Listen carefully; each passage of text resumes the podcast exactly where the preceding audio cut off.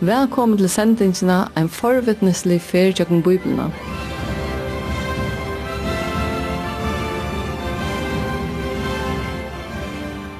Og hese senderøyene fer vi saman af ferast tjøkken Bibelna for jeg får innlitt i dette stora og spennande øke som Bibelian er.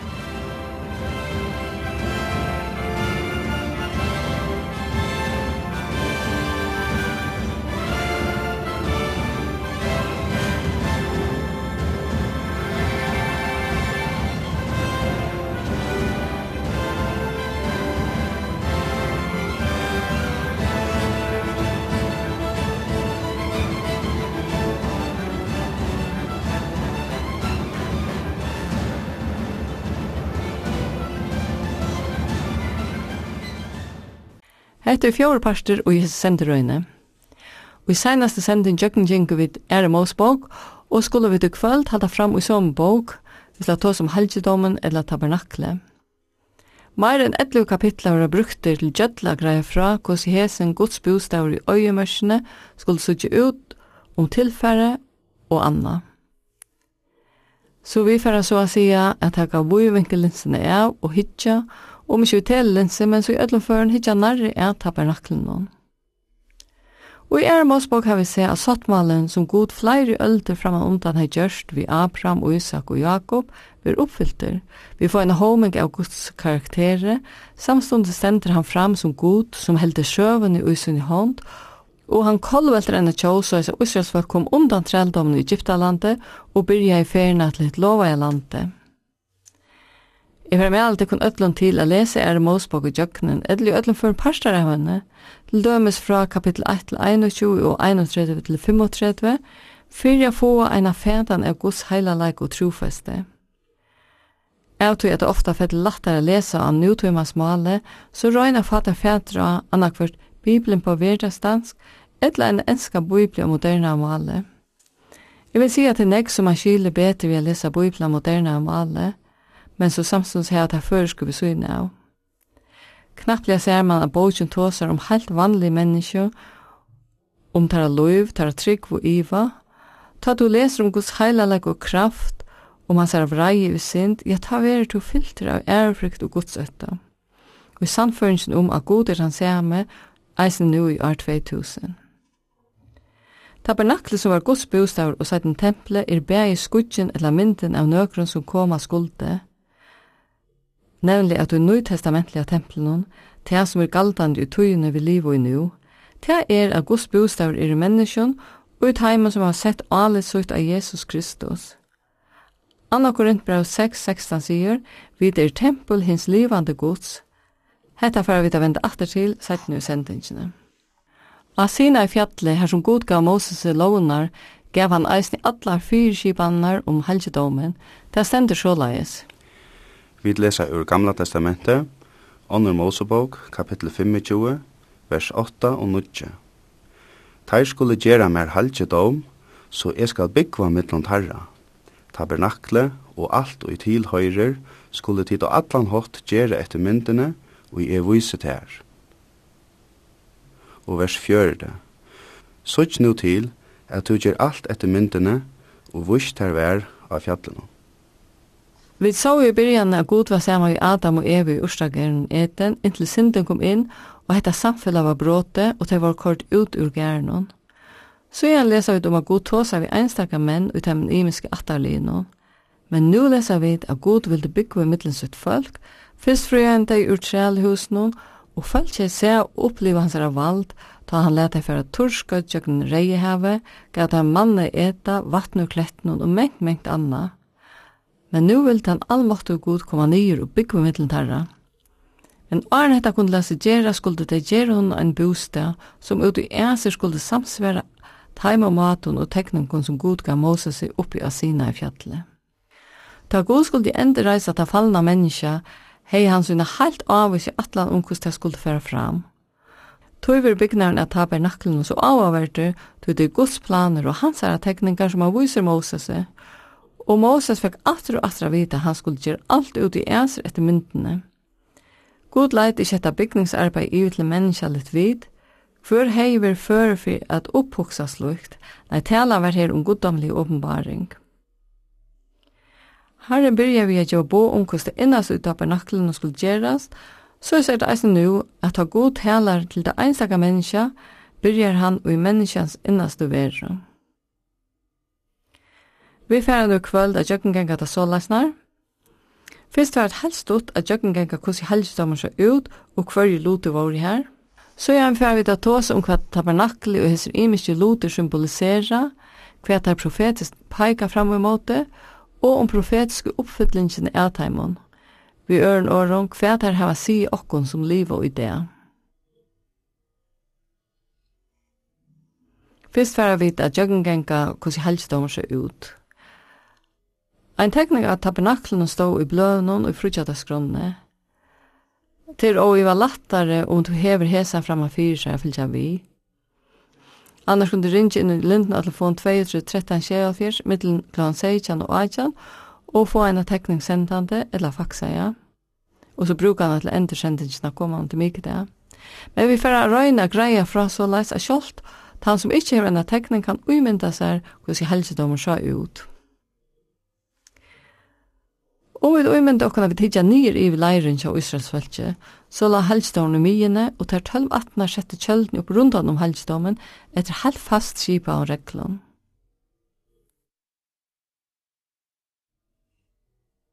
Da vi tidja er at myndene sutja vid at halvstómen fævndi om en gær, forgaren, som er mester A, og inni hon stå størst kjald, tabernakle, som er mest D, Tabernaklet var bort sundru tvei, den fremre parsten kallais sitt heilaja, og den innar parsten som la 18 forhen kallais sitt allra heilaista. Og i forgarna var B brenni offeraltar og C vatn og ilate. Halsjedåren var om lai 45 ganga 22,5 meter og hei en gyring eller hegn rundan om, så var ur kvuit og løyne og hetta var 3,5 meter høgt, så angen kunne hitje inn i forgarn utanfra, då nøytist av innkjøkken Porsche eller forhengi som vendi estretter og var 90 meter breitt. Skjolte tabernakle eller samkommekjalde var omlai 13,5 meter ganga 4,5 meter. Her var tru forheng i helgstavnen. Ta fyrsta var inngång til forgaren, her høyde ødel adgang. Ta nasta førde inn og et heilaja, her får prestan inn til at han gjør det tjenaste, og så får han ikke inn til et allra heilaste. Her høvespresten får inn, eina frum året, vi blåve som han offraði fyrir seg sjálvan og fyrir mistøkjen til fölkjena. Og i forgang var brenni offeraltare eller koparaltare som skulle standa framma fyrir inngången til tabernakle og vatnøylade som stod mittlen samkomminkjaldi og altare. Og i vatnøyladen skulle alltid vera vatn. Hetta vatn kom fra klettunon som alltid fyllde Israel og i øyemørsene, og prestan skulle vaska seg i hesum vatni og arntar gjør det tjenest. Alt i forgan var kåpare, og og fóldren til og lata var gjørger ur kåparspeklån. Og i halgjedom, altså i samkomminkjalden, var ikke vinter, men ut i heilaja var ein ljósastægi som upplyste rúme, han skulle lysa det og nått. Ta du kom inn om forhengi, så stod ljósastægin til vinstre, og høgre megin stod bor við synesbreinon. Hetta bor var ur akasjetrei og gudle og beint framme fyrir inngångna til et allra heilæsta stod røykjelse altare. Inni ut i allra heilæsta stod bæra sottmal ørsken som var klødd ved godli alt som var vær, og i henne lå sottmala talvonar som Moses hei finnje av sina i fjallet, en godlkrukka vi manna, og stavur Arons som hei blåma. Fast i låtjene av Sottmal Øsjene, som kallas Nøyestålren, vår tverk ropar, vår gudle. God åpenberer seg her i middelen vannsjener av kerupen og i en sterskon ljøse som kallas Kjekina. Og hetta ljøse opplyste til aller heiligste, hetta var dordgods. This is holy ground, we're standing on holy for the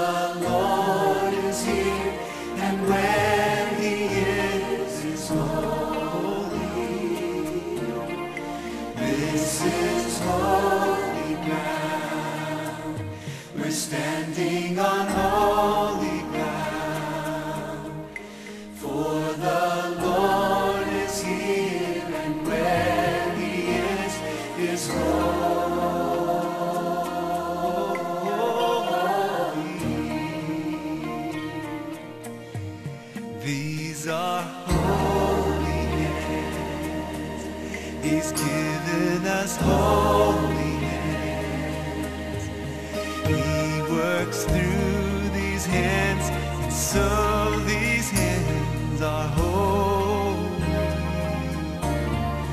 These are holy hands He's given us holy hands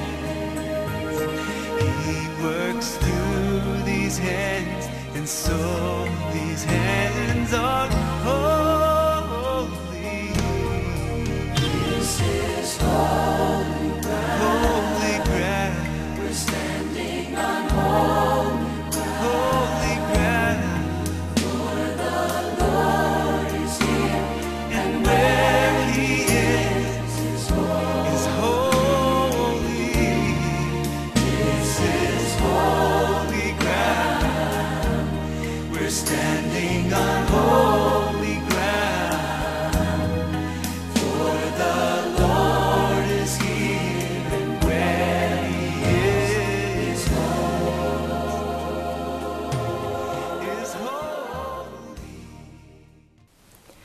Vi tar til sangen We Are Standing on Holy Ground vi hos Anna Music.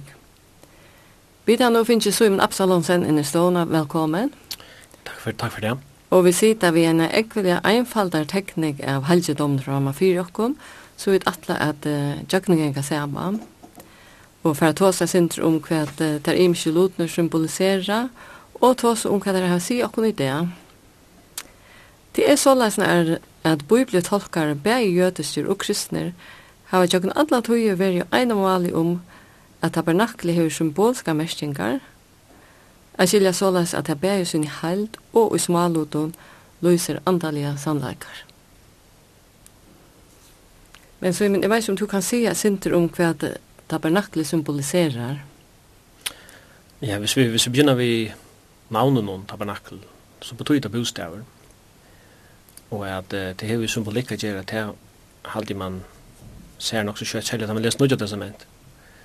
Her tåsar hebreerbrevet om om himmel eller hitt sanna tabernakel. Så her hever her vi, vi symbol, symbolikk at gjøre. Så kan vi spyr hva dette er en bostaver tja eller tabernakel mørke bostaver, hva, hva er det som bor her?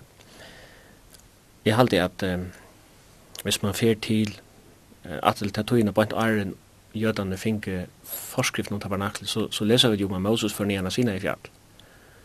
Och um, det var ikke noe særlig behaglig upplevelse som jödarna som var stater här upplevde att ha god uppenbarelse av sina i fjall.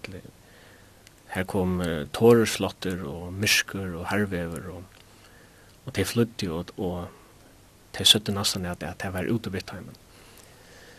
Så här har vi den avstand. Ja, det var jo en ekvislig hending. Du, vi snakkar Narskasfjallen så døyde, det var jo bøyen, ja. Det er nemlig det, ja. Ja. Så, så det, det bøylet er god som tar få her fra, fra Det til, til hessen her øylig god, og en avstandsgod til henne. Jave, som där som helse, som helse vekk. Og så at han så leser de med at Moses har finnes fra gode fire om bostegen, eller om tabernaklet og knappliga så hever hesne her god som er så lengt bort til tidsi bostad mitt i middelen falsk. Så det er en øylig kontraster som jødene opplever. Og her kan ikke lade være vi å sitere Johannes evangelium vers 8, eller vers 14 kapitel 8, er det sender at om året, altså om Jesus, at året var holdt og tog bostad middelen okkara. Og anker ensk tog brukar nemlig året, brukar nemlig året tabernakel, altså the word became flesh and tabernacle amongst us. Så eh, det var en symbol på at, at god hei tidsi bostad i middelfalske. Han var kommet til Tara, men eh, han var kommet og på sina, man kan si på sina egne premisser. Altså. Det, var han, det var han som, som sette treden her. Ja, tror jeg at eh, det Moses fikk eh, instrukserna, eller kan man säga, att eh, jag färre gång till att jag tabernaklet har varit äckliga, några gränliga att utforma för den och hans mynter, att och, och og det var ekvelig spesielt. Det var ikke mennesker kunne opphuksa å gjøre en bostad hentan hatt. Så det er nekva mynter ute. Ja, og det var enda ikke flere for uh, så ikke til at du gjerst alt etter, etter forskriften som vust være av fjallon. Altså, det var ikke ivelad til, uh, til menneskens fantasi. Men uh, jeg lukker nevna til at, at vi, vi tar mynden av sina ja, men så god som er avstand, på avstand og som er isolerer allikevel, tar nu, vi tar tabarakle, så, så sutja vi stadigvæk isolasjon. Tui, tui, altså, her kunne ikke øyne hver færa um, inn i helgedomen. Og inn i, inn i det aller helgeste kunne bare øyne færa, og bare øyne fra meg. Så uh, man kan si, man, vi, vi fasthalt disse her, uh, disse isolasjonene, eller henta mystikken, eller hva man skal kalla det. Det er en god som er, er regner, og heilaver som har valgt at, at, at taka upp forbindelse vi mennesker som er syndafull. Ja, og, og man kan ganske eisen si at uh, det er han som sitter treiden der. Ja, så halt er gjort. Ja, ganske vi om du hukta sin til nærja tog eisne. Altså, fyrir jeg kom, jeg har nevnt herfra omtan at uh, man kunde ikke suttje inn i tabernaklet, eller inn i folkaren, tog at uh, gjeringene rundt om var så høy. Men her var det brett porster som kom för in jökne, no? Ja. Det hade tjo i allen brett. i allen, ja. Um, alt som jeg lade mest till, jeg hørte Benny Hinn ta seg om det. Han, um, han sier at det her porstret inn til uh, folkeren, det var mitt manna kalla veveren. Så ta Jesus sier jeg er veveren, så visste Götan hva han ta seg om, at han var väveren inne här och bosade. Ja, han sier Johannes 14 er veveren, og han sier Johannes 12 att är er dittnar. Mm. Så han sier det øyelig presist. Det første jødene opplevde at det kom inn innom Porsti, altså inn og tar det inn i forgærene. Man, man er stadigvæk under, under åttende himmel, kan man si. går bare alt der, som stod på en framför for. Og uh, her skulle det jo, her ble vi offre i kreatur, her måtte, her måtte blåflåta. Det var sagt jo at utan att blåa ut helt fast inte synda för kärving. Så jag var offer bor fram och, och lögt allt där. Och kåpar er ofta i Bibeln är mindre av dem. Så vi sa inte att man kunde inte bara komma in och, och vad säger, färra vad gör utan, utan något som helst. Allt där, det var det första som mötte dem. Och här sitter god några träder och det var ett blå var uthelt. Ja, heter en grei mynd av Golgata, ja, det som er veveren ja. av norska skote. Det er så greit at man, man behøver nesten ikke å tolka det. Mm -hmm. Og Jesus sier at om vi nå ikke satt malen i blå møynene, at han er sjølver lampen som er offra, for jeg mennesker kan få en adgang til god. Og herren hadde jo et adgang til å komme inn. Og i forgæren mittelfolgar eller mittelen uh, at der og sjalt kjalt her har vi rannsjoner og ilat og det var også nu kåpar Ja, her skulle prestene, der skulle gjøre til reier, til tjenest, ja. Ja. Jeg tar två i bei hender og, og føder her.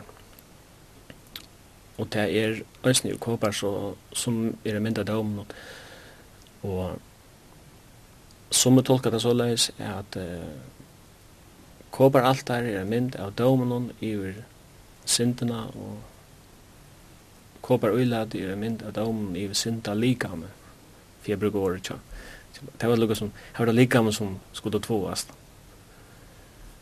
skriften tåsar eisen om om um, vattenberg i åren om om enda nødgjana sinnen om hvis man skal eh, halda fram med livet som vi god og norska sånn. Det er jo fram, framvis og på hans premisser. Att det här, det stender jo at det er just ur kåpa spekler fra kvinnerne. Ja. Og jeg leser også om at um, kritikere har nekvar sagt at kåpa spekler ikke eksisterer til i tøyne.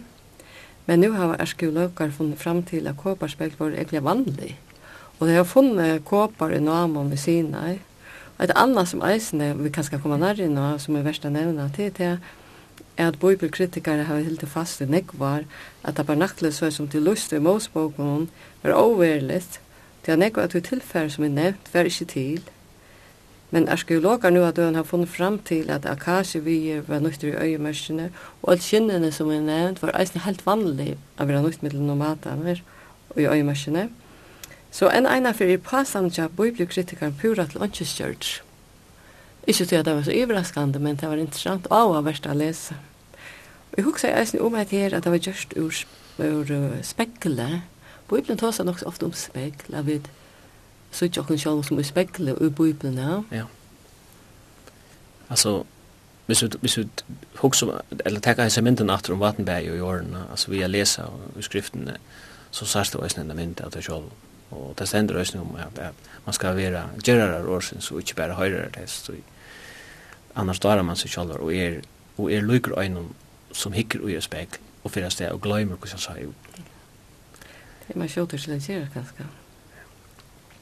Men jeg færre, jeg minnes til, jeg har også hørt det tåse opp da på nattene, for noen år siden. og jeg, jeg, jeg minnes nek fra det, men det er særlig at du tåse om uh, um, selv kjalte hvordan det så ut, og det var imisk skinn og imisk sort. Og at uh, det som jeg minnes særlig, det var at åttast var sjåkusjene, som var grått og så åntrant ut. Men først og inn her så var det listvevner, det var det som man kunne huksa seg, og til eisen så er det ved kristenløyven eisene, som ikke ser noe særlig tiltrekkende utenfra, men inni og er det fullt av dårda. Ja, det er rett. Det var fyra tepper i tabernaklån. Mm Alltså det var fyra chaltdukar eller vad man ska kalla dem.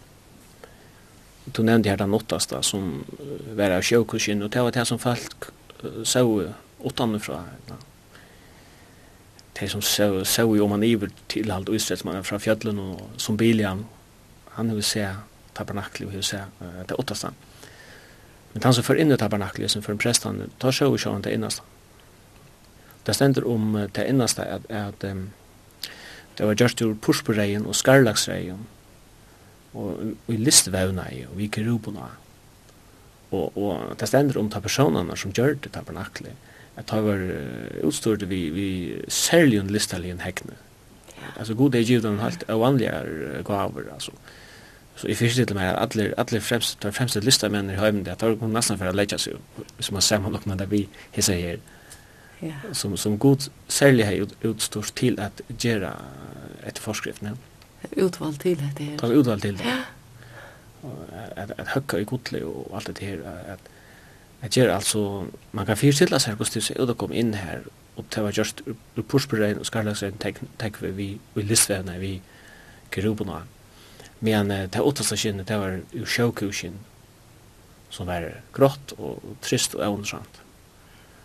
Og man kan kanskje citera det som Isaiah sier om Jesus, uh, Isaiah tror jeg tror at, at han var ikke vekker og hei ångadord, og han, røy upp, han rann opp som veikplanta og som rødkvister og torrar gjør. Så les sautar han. Men det eneste teppet, det, det kan sies i årene til Johannes at at året var holdt til å bostad med lakker, og vi så dårt hans her, dårt som henne, og i en sånn her fra ferien.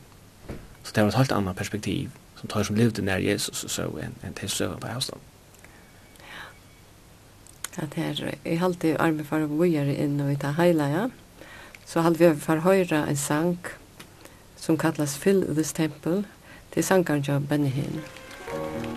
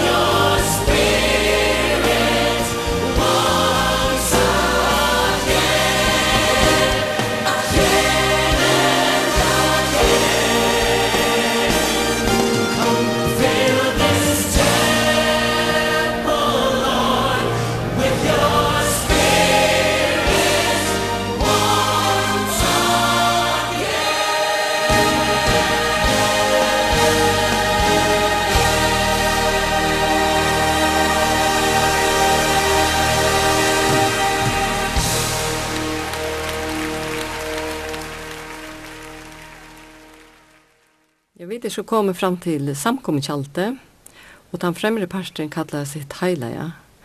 Og for jeg kom inn her så skal man uh, uh, inn om et forheng. Og her har vi ho atter at uh, sia, det som uh, jeg hørte Benny hinn sia, det har vært til at uh, vevre inn til folk, at uh, eller porst inn til folkeren kallast veveren, og forhengen inn til et heileia var vanlig nevnt sannleikken, og til forhengen innanfyre inntil det aller heilaste, man kallar løyve, så at han gjøtan hørte at her Jesus uh, tåsar, han sier, er veveren sannleikken og løyve, så vet at det er akkurat hva han tåsar om, at han sier at han er veveren allan veien, helt utanfra og helt inn til allar heilaste, har ønsken hei løyve til å fære utan høvespresten ena fra Mare, ja. Men vi kunne så fære inn og ut til heilaja og hitja hva det her inne.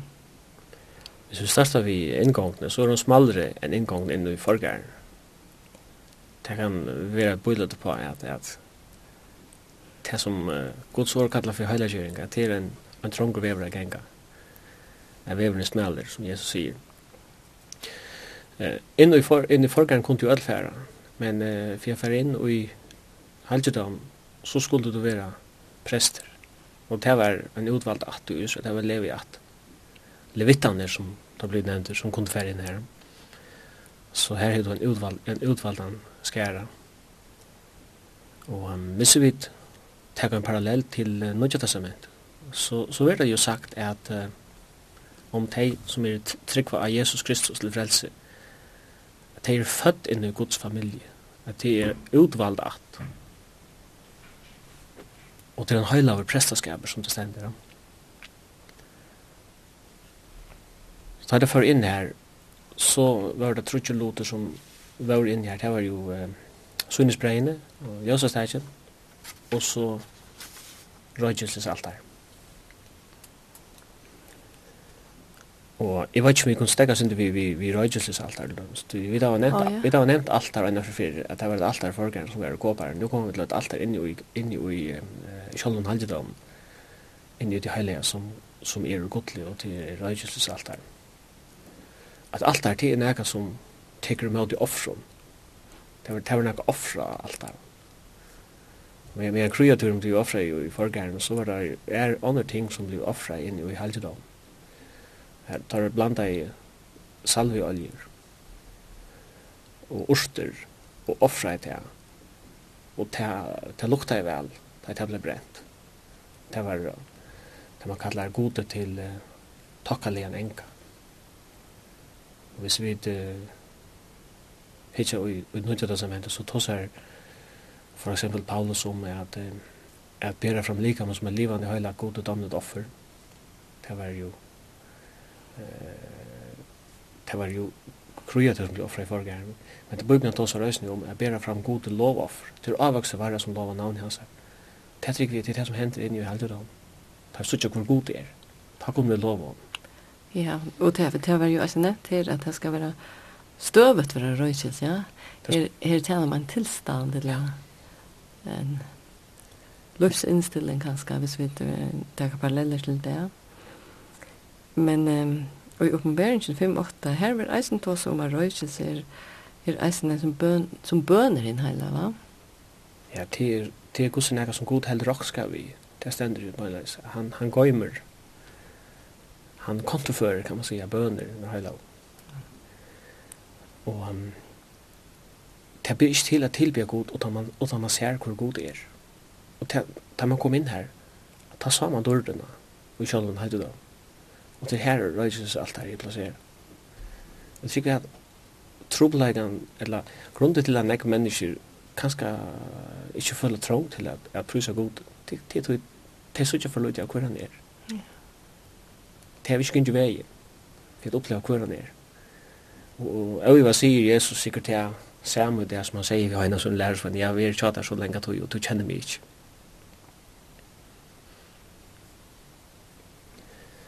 Ja, at her um, Jose som er inne, det var bare fra Jose Stakan. Ja. At han tjej arma i Jose Stakan som, eller at det var lamper nærmest, det var olje av dem. og. Det var olja, det skulle jo brenne alltid. Ja, ja det var en tilstander som vi er i halde da. En lampe skulle brenne. Og jeg mynte på Guds nerver. Og til ønsker at Ivar stod i at at at øsne detaljene er en symbol på Jesus. Han sier jo at jeg er ljøsheimsens. Og synes breine da og jo framme her. Og Jesus sier øsne det er breiløsens. Altså, man, man, man, ser, man ser Jesus akkurat blæs i skriften. Det er jo fantastisk att la vara alltså det att det her er jo näkt tusen år framåt undan. Ja. Og då er det eisende väl at, att att det var ønske noe av god som kunne gjøre um, teknikerna til att där det symboliserer alle stänkene. Um, annars les, så er i onkelstjärne om uh, att uh, prestene samlas kvann sabbat og hadde fellesskap her, vi um, bor her ved Sundsbrein og at det er åte eller brot breie og drukke boine, eller ådu breie stenda nok, og drukke boine, og som reisne jeg mynd på kvallmåltøyna, eller breibrødøyna. Ja, og Det mynden her, vi faktisk, faktisk lengt og æren tabernaklen egen, vi gjør flere hundra år æren, at det melkesetet kom til Abraham. Han kom i brei og inn. Så her er bestemt ikke nøyt. Moses var jo, han, han, han levde jo flere hundra år at han Ja. Abraham. Ja, man kan godt skilja vel hans i orden i Johannes evangelium at Jesus sier vi tar skriftlærd at til rannsaka skriftene til det halda til det av et liv i taimen så sier han men det er tåse om meg. Helt einfalt. Ja. Ja. Du er jo gonger alt for kjøtt vi må fara vågjere langer inn. Og, og ta, så kommer vi til forhengen til det allra det som middel manna ble kalla løyve. Og eh, det som jeg kanskje lukka kan nevna til er at det stender at at hun forhengen for keropar um, innvåner ja? og i selv forhengen og jeg kom beina ved hukse om at eh, ta i Adam og Eva blev kort ur Edens hava, ta sette god kerupar vi loande svør halda vakt i venen til luftens trea. Og nu så kjøpet atter her, at her, her er en forheng, og her er gropar, og her slapp jo ikke nekker inn, utan høvspresteren. Han slapp inn øyne fra Mario. Geropan er symbolet på at, at, at løyen er stångt, tenk om hvordan som utgangspunkt. Ja, ja så er ungen utgångt. Men eh, så kom då eller han skulle färra in ut det aller heligaste och han skulle färra ena för mer. Og jeg halte att eh, hvis, hvis vi hvis vi samarbeta tabernak nu til en halvdagar som er omtalt för sig och, och hvis vi tar paralleller og hittar etter templen som vi sett nu eh, läser om at Salomon bygde, så er det noen ting som ganger atter. Men det er alle ganger vesentlig måneder mellom tabernaklet og tempelet. For det første er, er tabernaklet en, en mobiler halvdamer. Han flottes i alle tog. Ja, det var jo nøyert. Ja. Du følte ikke flyttet jo. Mm. Så man, uh, tabernaklet har jo ikke matrikkelnummer, kan man si. Ja. Men ja, tempel, det var en, en stedbånden halvdom som stod av en bestemt sted. Og tabernaklet ble røst, og tar toget av og flottet av, tar jo skudtje latt av samkomstjan, så, så tog det nir, og det var også bestemt av forsket der skulle bera, hvordan der skulle gjøre dette flotte tabernaklet, og de som skulle ikke stegge i, og så setter det helt opp her, og setter alt opp her, akkurat som det skulle være. Så tira en mobil er helt i dag, med han, med han tempel er en, en snæbonden helt i dag, og hvis vi, hvis vi hoksa, eh, Guds år er alltid tvo i hvis vi hoksa i profetiska tankar, hva, hva kan heta pojka fram med det? Så kunne hitja hvers hva var det som bygde tempel? Det var Salomon. Sonen David. Og han bygde templet at han har at han finner frid alla så ju. Så jag tycker att templet tätterar bildet på profetiskt om Messias rike och tusenare Det Där Jesus skönlägger kommer att och ska bygga med sig men tabernaklet hittar han omflackande mobil mobilhalgedom som er i hans ligan och gör det Um, Ehm inni inne her, här i det allra heligaste där du kom inn her, så var så var uh, bare satt man lösen som stod her. Ja. Ja. Og i satt man lösen lå uh, var talvenar. Eh vi samt tog på og staveren tja, tja høvspresten. Aron, ta staveren som blå meg, ta stendet. Og krukka vi mannen. Det er sig eisen sin symbolik. symbolik. Ja. Talven er bøyene, altså, god er en heilav og god, og han heter synd. Det synes jeg vi, er bøyene er i her, framvis. Han er ikke, uh, han er ikke slag på sin krøv, om som man sier, selv om han er tidlig bostad i middelen sitt folk eh blåa kommer och nöjen kommer. Eh men Jesus säger alltså att att han inte kommer att att sätta lån i skilt med för fullkomna. Mm. Stavr Arons som blå mig till att bulla på upprestna kraften till en stavr till något som har vuxit som är är som man säger rikt upp och och som som så ett är det. Men men han blå mig åter. Han vet Det var at, at uh, hetta var vaks upp i hjørnet, var tidsje, stavren var deir, men han blir atra blåma. Hatt en symbol på upp, opprøsna kraften. Jesus døy, men, men røys opp hatter, for at han deir. Og den opprøsna kraften, hon er, for jeg bruker åren på, hon er virksom, og i gods, eller burde være virksom, og i gods felt, og i det. Ja, nemlig at jeg husker om det, at jeg taler vel eisen om oppræsna løyve, og om uh, bunan avvöxt. Og stävert tåsar eisen ofte om myndelæka. Ja. Nåsa säger just nu. Ja. Han uttrykte sannlig autoritet. ja, det ser ut igen. Og så, så leser vi det jo i Ære Mosbok 16.33 om at Aron skulle täcka manna og köra den krukke og gøyma det til etterkommere. Men um, og i omberingen tås, uh, vil eisen skriva neka om ett och det kommer jeg hukse om om ett fjälda manna som er neka, som talar om uppenbarelsen jag året, og, og her stender at och i uppenbarelsen två säger jag sen honom och sikra skal djeva av inom fjälda manna. Og det er akkurat som att ta och ta i en liv nær herran og, og færre seg åpenberingene, ta er det eisen til stendte flere i Bibelen, ta åpenberer han det som er i London, fire mennesker. Og det kom til den her uh, godelkrukka vi manna, som symboliserer han. Ja, det er sikkert eisen med det åren, hun tror ikke var slik. Det stender jo eisen, at jeg fann årtun jo i at og til mæter fyrir, gods år. Ja. Annars kunde jag lycka ihåg som jag har nämnt att säga att i samband vi att huspressen för in här han kunde inte bära för in och så vi skulle komma in den ena dagen av Arne som var den större båda även och han måtte ha blå vi och vi, vi såg ju helt ut i förgärden det var här offret blev drip och blev bränt upp på altaren men den, den, den enaste av, av offerlampen och den eneste substanser kan man säga som uh, helt løgene fram. Det var blå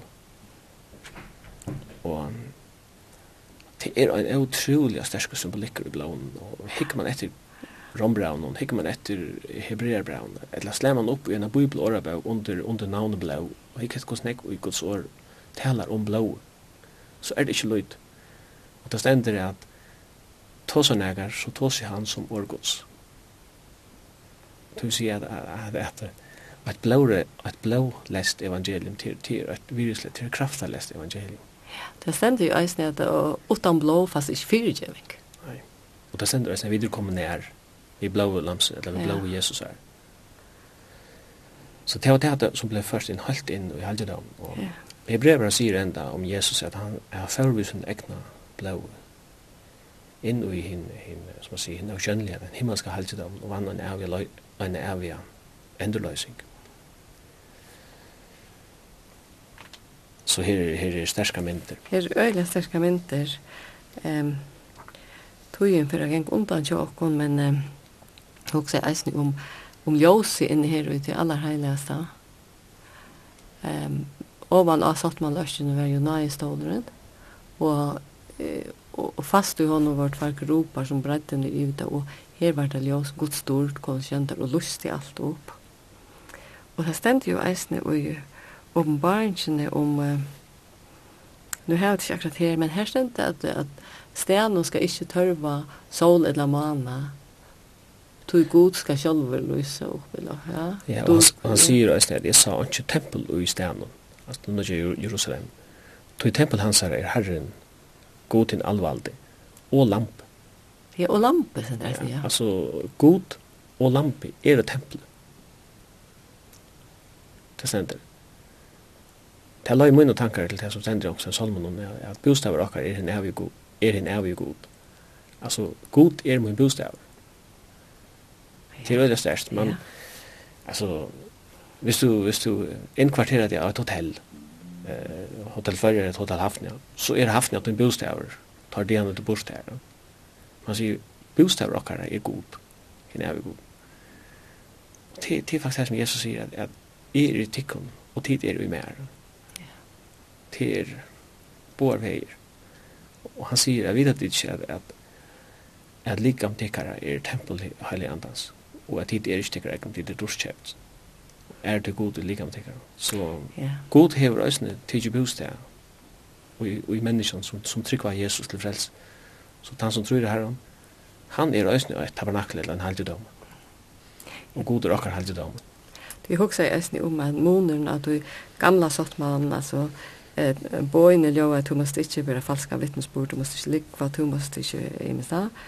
Og ut nøkja sagt sottmannen er det en helt ørvise her er det nemlig at her vita det ikke at det er tempel heilig andas og at anda går spor ut ikon det er det å liv under nøyene, at det er karlag samfunnet.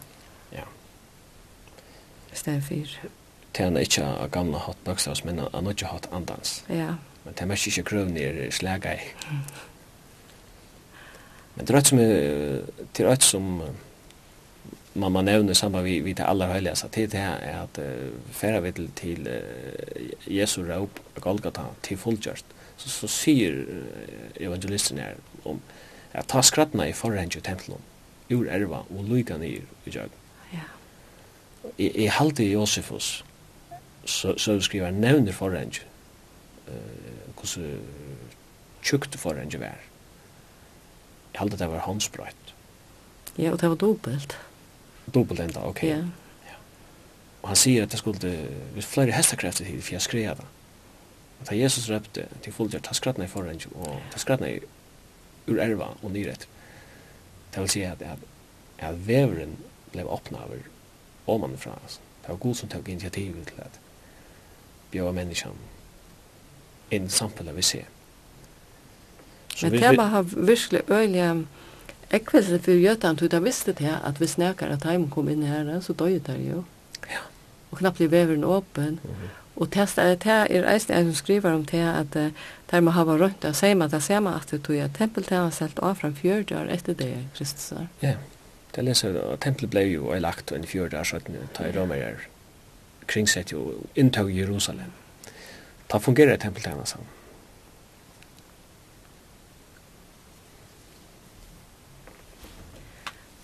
Jeg har behov at, ja, hei du nekka var akkurat så samband vi heter nu som du ser jag fram. jag har ju så eller något vad lägga till jag kunde hvis jag anker intresserar och jag granska det så så vill jag anbefalla fast men så läser jag brev men eh, kanske ösnen det så rombrev du tar tosar ösnen om blå om rätt och tjänst av trygg.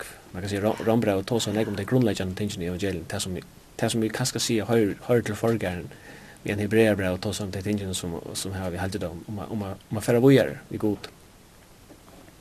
Ja. Låt oss som man säger lägga lägga om det första och hålla fram. Ja. Det är egentligen viktigt att läsa det och de som kanske inte läser så nej kunde ju alla för läsa hebreerbrevet. Det som vill jag vi och jag är Mosbok hebreerbrevet 8 och 9 och 10. Det är sucha om halvdomen. Mm Og jeg har ho at uh, lese at nøkker vers bort ur to i sista kapitlen og i Ermons bok. Det er fjør, kapittel 4 og vers uh, 33.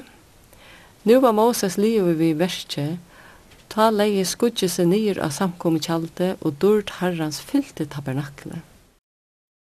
Musikk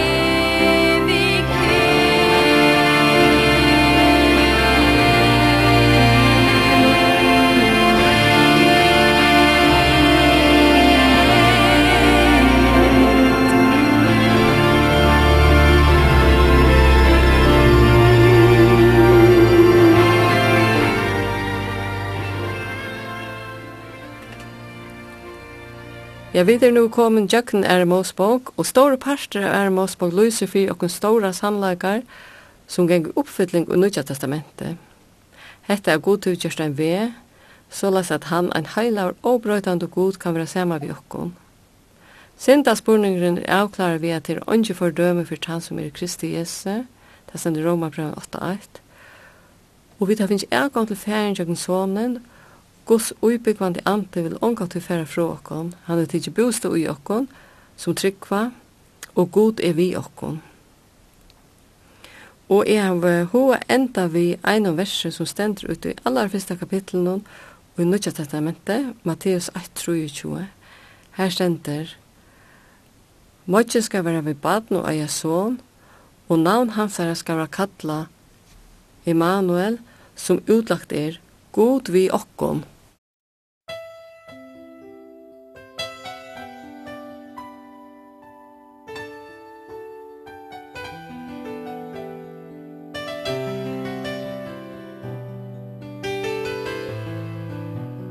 Vi er nå kommet til enden av sendingsene, og vi enda som vant vi høyre Michael W. Smith synsja Our God is an awesome God. Jeg får takka Svim Absalonsen fyrir at han vil lottak i kvöld. Bråten i Bibelen les Jonfinn Petersen, teknikere over Tor Arne Samuelsen, Laktli Rattes hever Edna Haberg.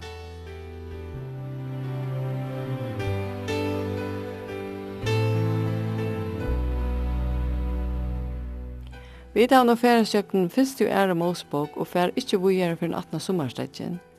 Men færa nu enderkjenta tar første fyra parstanar, som koma fyra myk kvöldare. Første parster Bibelen og tøtningren av året gods kommer nasta myk kvöld klokka 19. There is thunder in his footsteps and lightning in his fist. The Lord wasn't joking when he kicked him out of Eden. It wasn't for no reason that he shed his blood. His return is very close and so you better be believing That our God is an awesome God. Our God is an awesome God. He reigns from heaven above with wisdom, power and love. Our God is an awesome God.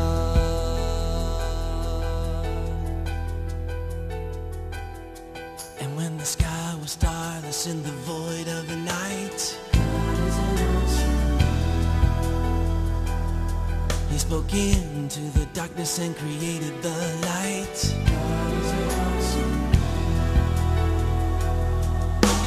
Judgment and wrath he poured out on Sodom.